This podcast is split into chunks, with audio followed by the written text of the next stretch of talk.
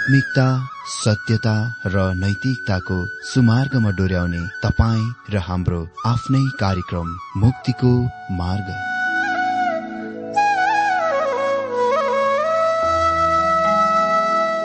आदरणीय श्रोता यस मुक्तिको मार्ग कार्यक्रममा हार्दिक स्वागत छ। आशा छ यस आत्मिक कार्यक्रमद्वारा जीवनमा आत्मिक आशिष अलौकिक शान्ति र आनन्द प्राप्त गर्नुहुनेछ। र जीवनमा धन्य अनुभव गर्नुहुनेछ। आउनुहोस् श्रोता। मन र आत्माको तयारीको लागि यो मिठो अनि मधुर भजन गीत सुनौ।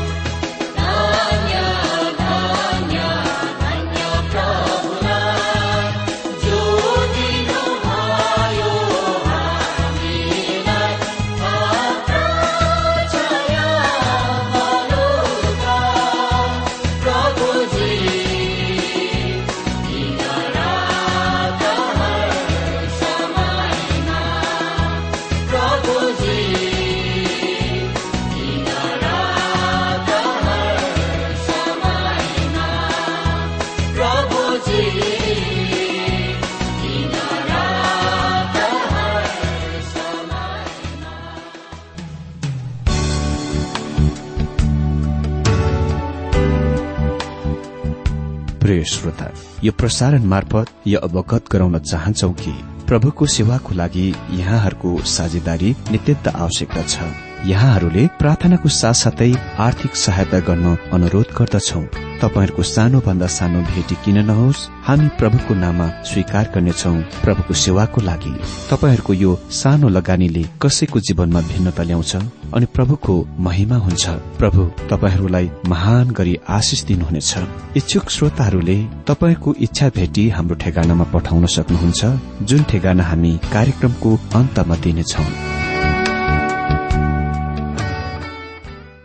प्रिय श्रोता प्रभु येशु ख्रिस्टको मधुर अनि सामर्थ्य नाममा मेरो जयमसी तथा हार्दिक स्वागत छ।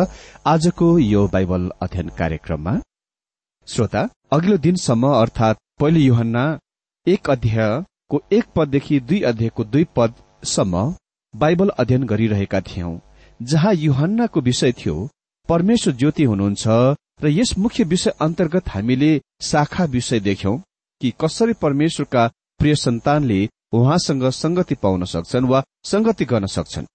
यसको निम्ति युहानले तीन उपायहरू दिए। ज्योतिमा हिँडेर पापहरूको स्वीकार गरेर अनि ख्रिष्टको वकालतद्वारा। अनि यस विषयमा हामीले करिब पाँच दिन अध्ययन गरेका आज हामी दोस्रो भागमा प्रवेश गरिरहेका छौं अनि यसको मुख्य विषय यो हो कि परमेश्वर प्रेम हुनुहुन्छ। र यस मुख्य विषय अन्तर्गत पहिलो शाखा विषय देख्छौ। कसरी प्रेय परमेश्वरका सन्तानहरू एक आपसमा संगति गर्न सक्छन् प्रेममा हिँड्ने कुराद्वारा। अनि यस पहिलो शाखा विषय कसरी प्रिय परमेश्वरका सन्तानहरू एक आपसमा संगति गर्न सक्छन् बाट दुई दिन अध्ययन गर्नेछौ। पहिले युहाना ज्योतिमा हिँड्ने कुराको बारेमा कुरा गरिरहेका थिए। अहिले युहाना प्रेममा हिँड्ने कुराको बारेमा कुरा गर्नेछन्। प्रेम यो पत्रको पुस्तकको खास केन्द्र मुख्य कुरा हो। यो शब्द तेत्तीस पल्ट उल्लेख भएको छ र त्यहाँ यसमा महान जोड छ। मित्र यस शाखा विषय कसरी एक आपससँग संगति गर्नु? भन्ने विषयबाट वचन अध्ययन गर्नेछौ र अर्को दिनमा पनि यस विषयको हामी देख्नेछौ। अनि आज हामी पहिलो युहन्ना दुई अध्यय तीनदेखि आठ पदबाट बाइबल अध्ययन गर्नेछौ। पहिलो युहन्ना दुई अध्ययको तीन पदमा यस प्रकार लेखिएको छ यदि हामीले उहाँका आज्ञाहरू पालन गर्यौं भने यसैबाट हामी थाहा पाउन सक्छौ कि हामी उहाँलाई चिन्दछौ।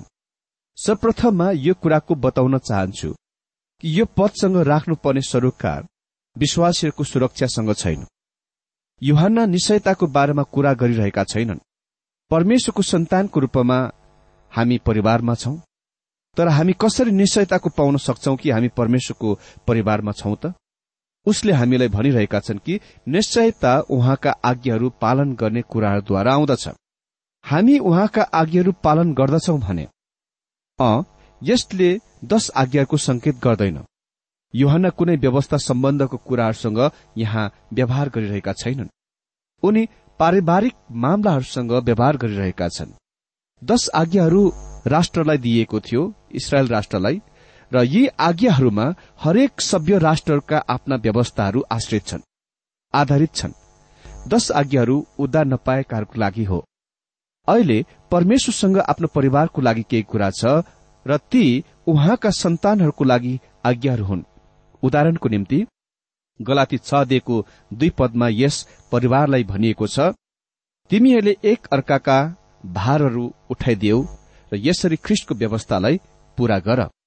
पाउल पहिलो तेस्लो निकी चार अध्ययको दुई पदमा ख्रिस्टको परिवारलाई भन्दछन् किनकि हामीले तिमीहरूलाई प्रभु येशुद्वारा कुन कुन आज्ञा दिएका छौ सो तिमीहरूलाई थाहा छ। पहिलो थिस्लो निकीको अन्तिम अध्यायमा केही ती आज्ञाहरूको उल्लेख गरिएका छन्। त्यस अन्तिम अध्यायमा मैले बाइसवटा आज्ञाहरूको गनेको छु अनि यहाँ केही ती आज्ञाहरू छन्। सधैँ आनन्दित रहो। परमेश्वर चाहनुहुन्छ कि तपाईँ हर्षित आनन्दित क्रिस्चियन भएको। निरन्तर प्रार्थना गरिरह। यसले प्रार्थनाको मनोवृत्तिको संकेत गर्दछ। मतलब तपाईँ जहाँ हुनुहुन्छ जे गर्नुहुन्छ तपाईँ सधैँ प्रार्थना पूर्णको मनोवृत्तिमा प्रार्थनाको आत्मामा हुनुपर्दछ। यी केही ती आज्ञाहरू हुन् जुन प्रभु येशुले विश्वासीहरूलाई दिनुभएको छ। र यदि हामी पितासँग संगति गर्दछौ र यसको हाम्रा हृदयहरूमा निश्चयता पाउने कुराद्वारा आनन्द सुख भोग गर्न चाहन्छौ भने हामीले उहाँका आज्ञाहरूका पालन गर्नै पर्छ। हामीलाई यस्तो लाग्दैन जस्तो हामी चाहन्छौ जे गर्न चाहन्छौ आफ्नो खुशी अनुसार गर्न सक्छौ। अह विश्वासीले त्यस्तो केही कुरा गर्दैन जुनले उसलाई प्रसन्न गर्दछ तर उसले ख्रिस्टलाई प्रसन्न गर्ने कुरा गर्दछ। यसैबाट हामी उहाँलाई चिन्ता रहेछौ भनी हामी थाहा पाउँदछौ। यो कुराको याद राखौं कि यो पूरा पुस्तकभरि युहानले ब्रह्मज्ञान सिद्धान्तवादीहरूलाई उत्तर दिइरहेका छन् जसले दावी गर्दछन् कि तिनीहरूसँग त्यस्तो सर्वश्रेष्ठ ज्ञान छ जस्तो कि कोही अरूसँग थिएन। अनि सामान्यतया यो झुट्टा शिक्षा थियो। प्रेरित युवाना भनिरहेका छन् महत्वपूर्ण कुरा येशु क्रिस्टलाई जान्नु वा थाहा पाउनु हो। र हामी कसरी निश्चयता पाउन सक्छौ कि हामी उहाँलाई जान्दछौ? मेरो मित्र यद्यपि धेरै मानिसहरू विश्वासीको सुरक्षामा विश्वास गरे तापनि तिनीहरूसँग उद्धारको निश्चयता छैन अनि कारण बिल्कुल स्पष्ट छ। हामी जान्न थाहा पाउन सक्दैनौ कि हामी परमेश्वरको सन्तान हौ यदि हामी उहाँप्रति अनज्ञाकारी छौं भने। ख्रिस्टप्रति अनज्ञाकारिता। हजुर त्यसकारण ख्रिस्ट प्रतिको आज्ञाकारिता अति आवश्यक कुरा हो र त्यो निश्चयताको खास बिल्कुल आधार हो। तपाईँ त्यो निश्चयताको पाउन सक्नुहुन्न जबसम्म तपाईँ उहाँका आज्ञाहरूको पालन गर्नुहुन्न भने। भनिएको छ तीन पदमा यदि हामीले उहाँका आज्ञाहरू पालन गर्यौं भने यसैबाट हामी थाहा पाउन सक्छौ कि हामी उहाँलाई चिन्दछौ। अनि चार पद। जसले म उहाँलाई चिन्छु भन्छ तर उहाँका आज्ञाहरू उल्लङ्घन गर्छ त्यो झुटो हो र त्यसमा सत्य छैन। यो बिल्कुल स्पष्ट कथन हो। अघिल्लो पदमा युहानाले भनेका कुरा छन् कि हामी जान्दछौ कि हामी उहाँलाई जान्दछौ। यो चाहिँ सकारात्मक तर्फको पक्ष हो। ब्रह्मज्ञान सिद्धान्तवादीहरूको रहस्यमय ज्ञानको तुलनामा ठिक विपरीत। अनुभवद्वारा थाहा पाउँदछौ। अहिले युहान्ना नकारात्मक तर्फ वा पक्षको पेश गर्दछन्। ख्रिसप्रति अनज्ञाकारिता यो प्रमाण हो कि हामी उहाँलाई जान्दैनौ। यो स्पष्ट कथन र सिधा भाषा हो।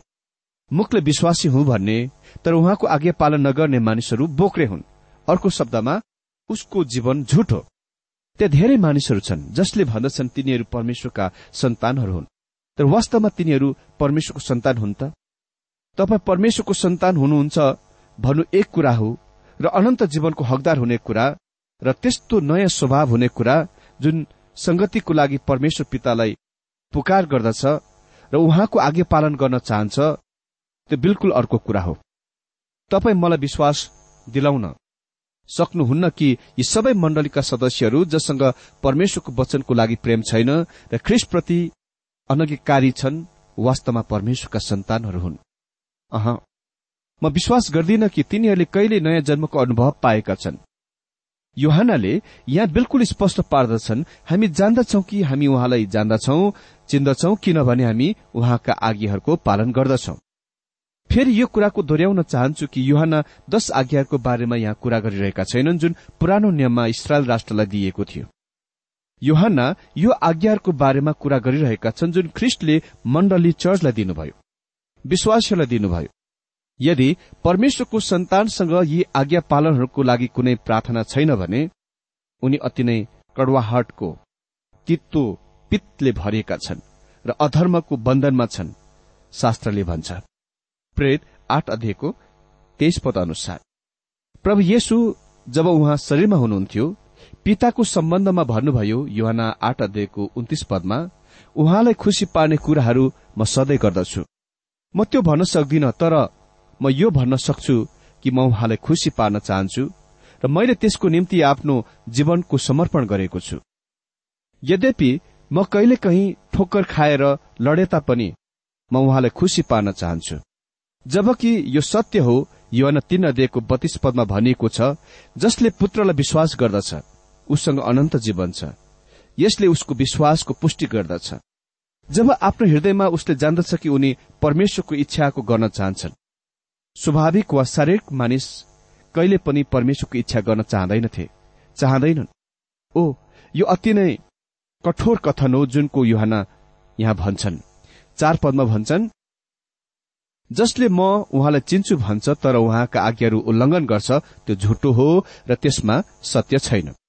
अनि युहानले हामीलाई भनेछन् पवित्र आत्मा नै एक हुनुहुन्छ जसले उसलाई यो भन्न उक्सायो। त्यस मानिसमा कुनै सत्य हुँदैन। जसले दावी गर्दछ कि उनी परमेश्वरका सन्तान हो तर उसले उहाँका आज्ञाहरू पालन गर्दैनन्। पाँच पदमा भनिएको छ तर जसले उहाँको वचन पालन गर्छ त्यसमा परमेश्वरप्रतिको प्रेम साँच्चै सिद्ध भएको हुन्छ। हामी उहाँमा छौं भन्ने कुरामा यसैबाट निश्चित हुन्छ। मित्र म यहाँ भिन्नताको बताउन चाहन्छु। जुनको अति नै कम टिप्पणीकारहरूले बनाएको देख्दछु। मलाई लाग्छ कि परमेश्वरको वचन र परमेश्वरको आज्ञाहरू बीच भिन्नता छ। सायद कसैले मेरो ध्यान यस तथ्यमा खिच्न कोसिस गर्लान् कि आज्ञाहरू नै परमेश्वरको वचन हो। तर परमेश्वरको वचन सबै आज्ञाहरू होइनन्।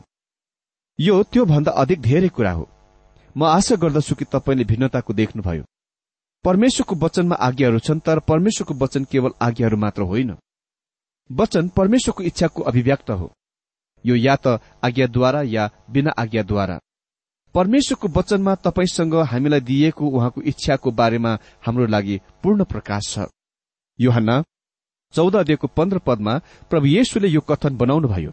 यदि तिमीहरूलाई प्रेम गर्दछौ भने यदि तिमीहरू मलाई प्रेम गर्दछ भने मेरो आज्ञाहरूको पालन गर।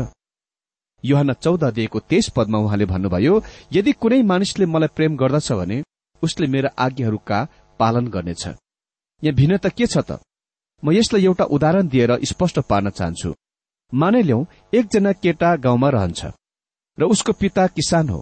एक दिन जब त्यो केटा स्कूलतिर जान बाटो लागिरहेको थिए उसको पिताले उसलाई भने छोरा म जब खेतबारीदेखि प्रत्येक दिन घरमा आउँछु म गाईको दुध धुनेछु तर जब तिमी स्कूलबाट घरमा आउँछौ नि म चाहन्छु कि तिमीले चाहिँ दाउरा चिर है र त्यसलाई दलानमा राख। र आफ्ना आमालाई भन कि दाउरा चिरेर दलानमा राखिएको छ ताकि तिनले त्यहाँबाट दाउरा लगेर आगो बाल्न सकुन् र खाना पकाउन सकुन्। जब त्यो केटा घरमा स्कूलबाट फर्किआउँदछ उसले आफ्नो पिताको आज्ञाको पालन गर्दछ। उसले दाउरा चिर्छ स्कूल पछि उसले करिब डेढ घण्टा दाउरा चिर्ने काममा समय बिताउँछ र ती दाउराहरूको दलानमा मिलाएर राख्छ। तब त्यसपछि एक बिहान खाजा खाइरहेको बेला पिताले भन्छ मलाई आज अस्वस्थ महसुस भइरहेको छ। मलाई लाग्दैन कि म आज खेतबारीमा गएर काम गर्न सक्छु। तर पिता जसै तसै खेतबारीमा जान्छ अहिले जब त्यो केटा स्कूलबाट घरबाट आउँछ यद्यपि उसलाई केवल एउटा आज्ञा मात्र दिइएको छ त्यो दाउरा छिर्ने तर उनी जान्दछ कि उसको पिता अस्वस्थ छन् बिमार छन् र गाई दुने स्थितिमा छैनन्। त्यसकारण उसले खालि दाउरा मात्र चिर्दैनन् तर गाईको दूध पनि दुन्छन्। उसले दाउरा चिर्छ किनभने उसलाई त्यो गर्न आज्ञा गरिएको छ तर उसले गाई पनि दुन्छ किनभने उसले आफ्ना पितालाई प्रेम गर्दछ। यही तरिकामा परमेश्वरको सन्तानले परमेश्वरका आज्ञाहरूको मात्र पालन गर्न चाहँदैनन् तर उनी परमेश्वरको वचनको पालन गर्न चाहन्छन्। उसले आफूले गर्ने हरेक कुरामा पितालाई खुसी पार्न चाहन्छन्। मित्र परमेश्वरको सत्य सन्तानले सधैँ उहाँलाई खुसी पार्न चाहन्छ। त्यहाँ धेरै क्रिस्चियन हाम्रा दिनहरूमा छन् जो सोच्दछन् कि तिनीहरू फराकिला विचारका हुन आवश्यक छ। तिनीहरू रम रक्सीको विरोध गर्दछन् तर तिनीहरू बियर पान सुपारी सिगरेट प्रयोग गर्दछन्। जुनले तिनीहरूलाई फराकिलो विचारधारा हुने व्यक्तिको सोचाइ दिन्छ। निश्चय नै तिनीहरू सोच्दछन् म अति नै साँगुरो विचारधारा वा सक्रिय मनको वा सानो चितको व्यक्ति हुँ। हजुर यो सही हुने वा सही हो वा गलत हुने कुराको प्रश्न होइन। म आशा गर्दछु तपाईँ त्यस स्तरबाट भन्दा माथि हुनुहुन्छ। प्रश्न यो हो कि यसले मेरो स्वर्गीय पितालाई खुसी पार्दछ।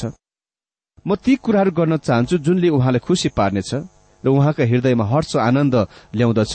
र मेरो आफ्नै जीवनमा संगति र आनन्द ल्याउँदछ। देख्नुभयो यो सबै प्रेमको आधारमा छ। यदि तिमीहरू मलाई प्रेम गर्दछौ भने मेरो आज्ञाहरू पालन गर र यदि कुनै मानिसले मलाई प्रेम गर्दछ भने उसले मेरा वचनहरू पालन गर्नेछ। यदि तपाईँ उहाँलाई प्रेम गर्नुहुन्छ भने तपाईँ उहाँका आज्ञाहरूको पालन गर्ने काम भन्दा धेरै अधिक कुरा गर्नुहुनेछ। तपाईँ उहाँको लागि केवल अतिरिक्त अधिक कुरा गर्नुहुनेछ। मेरो मित्र पद पाँच अति नै धेरै महत्वपूर्ण छ। म यसको दोहोऱ्याउन चाहन्छु। लेखिएको छ पद पाँचमा तर जसले उहाँको वचन पालन गर्छ त्यसमा परमेश्वरप्रतिको प्रेम साँच्चै नै सिद्ध भएको हुन्छ। हामी उहाँमा छौं भन्ने कुरामा यसैबाट निश्चित हुन्छौ। जब परमेश्वरको प्रेम तपाईँमा सिद्ध भएको हुन्छ यसको अर्थ यो हो कि तपाईँले आज्ञाहरूको उत्तीर्ण गर्नुभएको छ र तपाईँ उहाँलाई खुसी पार्न चाहनुहुन्छ। म राय दिन्छु कि तपाईँ आफैले आफैलाई जाँच्नुहोस्। पापप्रति तपाईँको मनोवृत्ति के हो त? के यसले तपाईँलाई तकलिफ दिएको छ? कि यसले पितासँग तपाईँको संगति तोडेको छ? कि यसले तपाईँलाई रातमा रुन लगाएको छ? यो भन्दा हे परमेश्वर म गलत हुँ। मैले गलत काम गरे। मैले गरेका गल्तीको स्वीकार गर्न चाहन्छु। म तपाईँसँग संगति गर्न चाहन्छु। त्यस आधारमा परमेश्वरले हामीसँग संगतिको पुनस्थापन गर्नुहुनेछ र हाम्रा हृदयहरूमा उद्धारको निश्चयता आउँदछ। अनि छ पदमा लेखिएको छ उहाँमा रहन्छु भन्ने व्यक्ति आफै पनि उहाँको चाल अनुसार चल्नु पर्दछ। मित्र प्रभु येशुले जे गर्नुभयो र उहाँ जस्ता हुनुहुन्थ्यो हामी त्यो सबै गर्न सक्दैनौ र उहाँ जस्तो हुनु सक्दैनौ तर यदि हामीले हाम्रा हृदयहरू पिताका इच्छा गर्ने काममा सेट गरेका छौं भने जुन प्रभु येशुले आफ्नो जीवनमा सबभन्दा महत्वपूर्ण स्थानमा राख्नु भएको थियो तब हामी पनि जसरी उहाँ हिँड्नुहुन्थ्यो उसरी हिँड्छौं। म यी दिनहरूमा समर्पण शब्दको अति नै धेरै सुन्ने गर्दछु। जब सन्देशपछि निमन्त्रण दिइन्छ यो प्रश्न सोधिन्दछ के तिमी आफ्ना जीवन ख्रिष्टलाई समर्पण गर्न चाहन्छौ? अनि तिनीहरूको त्यस कथनको तात्पर्य के हो त? अमित्र म यो भन्न चाहन्छु कि युहानको तात्पर्य हो पूर्ण समर्पण। यो ख्रिस्टलाई प्रेम गर्नु हो। अनि यदि तपाईँ ख्रिस्टलाई प्रेम गर्नुहुन्छ भने तपाईँ उहाँको वचनको पालन गर्न गइरहनु भएको छ। तपाईँले प्रेम गर्ने व्यक्तिलाई खुसी पार्न तपाईँ चाहनुहुन्छ। तपाईँ विरोध गर्न तकलिफ दिन चाहनुहुन्न। तपाईँ खुसी पार्न चाहनुहुन्छ। त्यही कारण म आफ्नो पत्नीलाई कहिलेकाहीँ सुन्दर गुलाबको फूलको गुथा पठाउँछु। देख्नुभयो प्रश्न यो होइन के तपाईँ ख्रिस्ट प्रति समर्पित हुनुहुन्छ? प्रश्न यो हो कि के तपाईँ ख्रिस्टलाई प्रेम गर्नुहुन्छ? सात पदमा लेखिएको छ प्रिय हो म तिमीहरूलाई कुनै नयाँ आज्ञा होइन। तर त्यही पुरानो आज्ञा लेखिरहेको छु जो शुरूदेखि तिमीहरूसँग थियो। यो पुरानो आज्ञा तिमीहरूले सुनेकै वचन हो। उही पुरानो आज्ञा जो चाहिँ शुरूदेखि नै तिमीहरूले सुनेका थियौ। कुन शुरूबाट अ त्यो शुरू पहिलो युहानमा ख्रिस्टको मानव चोला हो। यो बेतलेममा शुरू भयो। तब सिकर्मिकको दोकानमा काम गर्यो र तीन साल सार्वजनिक सेविकाईमा काम गर्यो। उही पुरानो आज्ञा जो चाहिँ शुरूदेखि नै तिमीहरूसँग थियो चाहिँ त्यो आज्ञा हो जुन प्रभु येशुले आफ्ना प्रेतहरूलाई दिनुभएको थियो। जब उहाँ तिनीहरूसँग पृथ्वीमा हुनुहुन्थ्यो। जुनको उहाँले धेरैपल्ट दोहोऱ्याउनु भयो। उदाहरणको लागि युहान तेह्र अध्यय चौतिस र पैतिसमा हामी पढ्छौं एउटा नयाँ आज्ञा म तिमीहरूलाई दिन्छु। तिमीहरूले एक अर्कालाई प्रेम गर। जसरी मैले तिमीहरूलाई प्रेम गरेको छु जसरी तिमीहरूले पनि एक अर्कालाई प्रेम गर। तिमीहरूका आपसमा प्रेम छ भने यसैबाट सबैले तिमीहरू मेरो चेला रहेछौ भनी थाहा पाउनेछौ। अनि युहन्ना पन्ध्र अध्यय दश र बाह्रमा हामी पढ्छौ तिमीहरूले मेरा आज्ञाहरू पालन गर्यौ भने तिमीहरू मेरा प्रेममा रहिरहन्छौ जसरी मैले पनि मेरा पिताका आज्ञाहरू पालन गरेको छु अनि उहाँको प्रेममा रहन्छु। जसरी मैले तिमीहरूलाई प्रेम गरेको छु उसरी नै तिमीहरूले एक अर्कालाई प्रेम गर यो मेरो आज्ञा हो। युहान भनिरहेका छन् यो पुरानो आज्ञा नै म तिमीहरूलाई दिइरहेको छु। यो नै प्रभु येशुले भन्नुभएको थियो जब उहाँले या पृथ्वीमा सिकाउनु भएको थियो।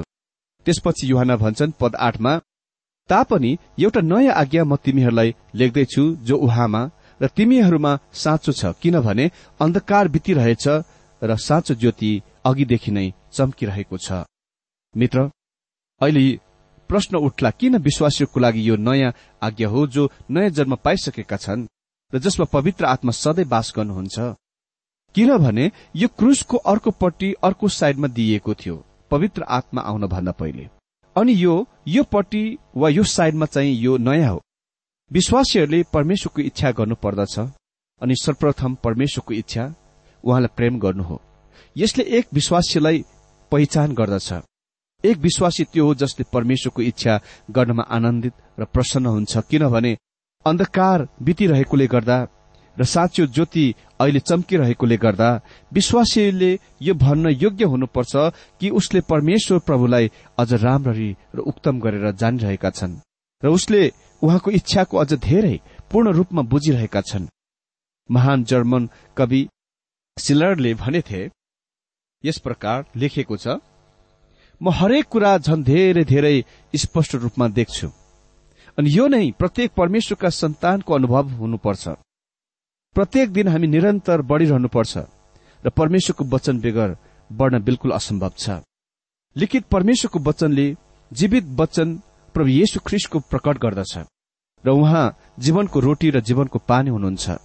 र यदि हामी उहाँको वचन खाँदैनौं भने हामी आत्मिक अकालमा पर्नेछौ भोकमरीमा पर्नेछौ र आत्मिक अस्वस्थ्य हुनेछौ अनि जुन जिउँदै नर्कको अनुभव हो। किनभने अन्धकार बितिरहेको छ र साँचो ज्योति अहिले चम्किँदैछ। मित्र यदि तपाईँ आज वरिपरि नजर लगाउनुहुन्छ भने तपाईँले देख्नुहुनेछ कि अन्धकार अहिलेसम्म बितिसकेको छैन। अरू त के? ख्रिस्टियन जगतमा परमेश्वरको वचनको अज्ञानता अझै छ। साँचो ज्योति जो प्रभु येशु ख्रिस्ट हुनुहुन्छ यो संसारमा आज पनि अधिकांशद्वारा ग्रहण गरिएको छैन। तर मित्र येशु ख्रिस्ट मात्र संसारको साँचो ज्योति हुनुहुन्छ। उहाँले भन्नुभयो म संसारको साँचो ज्योति हुँ जो मेरो ज्योतिमा हिँड्छ। त्यो अन्धकारमा हिँडोल गर्नुपर्ने छैन। मित्र हामीले आज देख्यौं कसरी परमेश्वरका सन्तानहरू एक आपसमा संगति गर्न सक्छन्।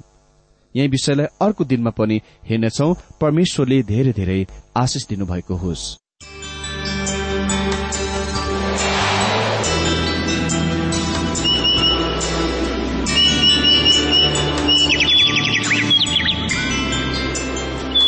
प्रिय श्रोता अहिले भर्खरै तपाईँले टीडब्ल्यूआर नेपालद्वारा सञ्चालित आत्मिक कार्यक्रम मुक्तिको मार्ग सुनिरहनु भएको थियो। श्रोता आजको यो कार्यक्रम सुनेर तपाईँलाई कस्तो लाग्यो? यदि यो कार्यक्रम सुनेर मनमा कुनै खुल्दुली वा कुनै प्रतिक्रिया अर्थात सुझावहरू छन् भने हामीलाई पत्रद्वारा लेख्न सक्नुहुनेछ। हामी हृदयदेखि नै स्वागत गर्नेछौ स्वीकार गर्नेछौ साथै बाइबल सम्बन्धित प्रचारहरू कार्यक्रम सारणीहरू हामी अनुरोधमा पठाउन सक्छौ। अनि तपाईँसँग कुनै प्रार्थनाको विषय छन् भने हामीले तपाईँको लागि प्रार्थना गरेको चाहनुहुन्छ। चाहनुहुन्छ भने प्रभुमा आफ्नै परिवार सम्झेर हामीलाई पत्रमा लेख्न सक्नुहुनेछ। तपाईँको लागि हामी प्रभु येशुसँग प्रार्थना गर्नेछौ। अधिक जानकारी र पत्रचारको लागि हाम्रो ठेगाना यस प्रकार छ। कार्यक्रम मुक्तिको मार्ग जीपीओ नम्बर उनानब्बे पचहत्तर इपिसी पच्चिस एकसठी काठमाडौँ। ठेगाना एकपल्ट सुन्नुहोला। कार्यक्रम मुक्तिको मार्ग जीपीओ नम्बर उनानब्बे पचहत्तर इपिसी पच्चिस एकसठी काठमाडौँ। हाम्रो इमेल एड्रेस हो TWR Nepal at Yahoo dot com. साथै यस नम्बरमा एसएमएस गर्न सक्नुहुनेछ। अन्ठानब्बे चार सत्तरी पैतिस छ सय उनासी नौ आठ चार सात जिरो तीन पाँच छ सात नौ। हुन्छ श्रोता आजलाई हामी विदा चाहन्छौ। अर्को कार्यक्रममा हामी पुनः भेट्नेछौ तबसम्मलाई नमस्कार।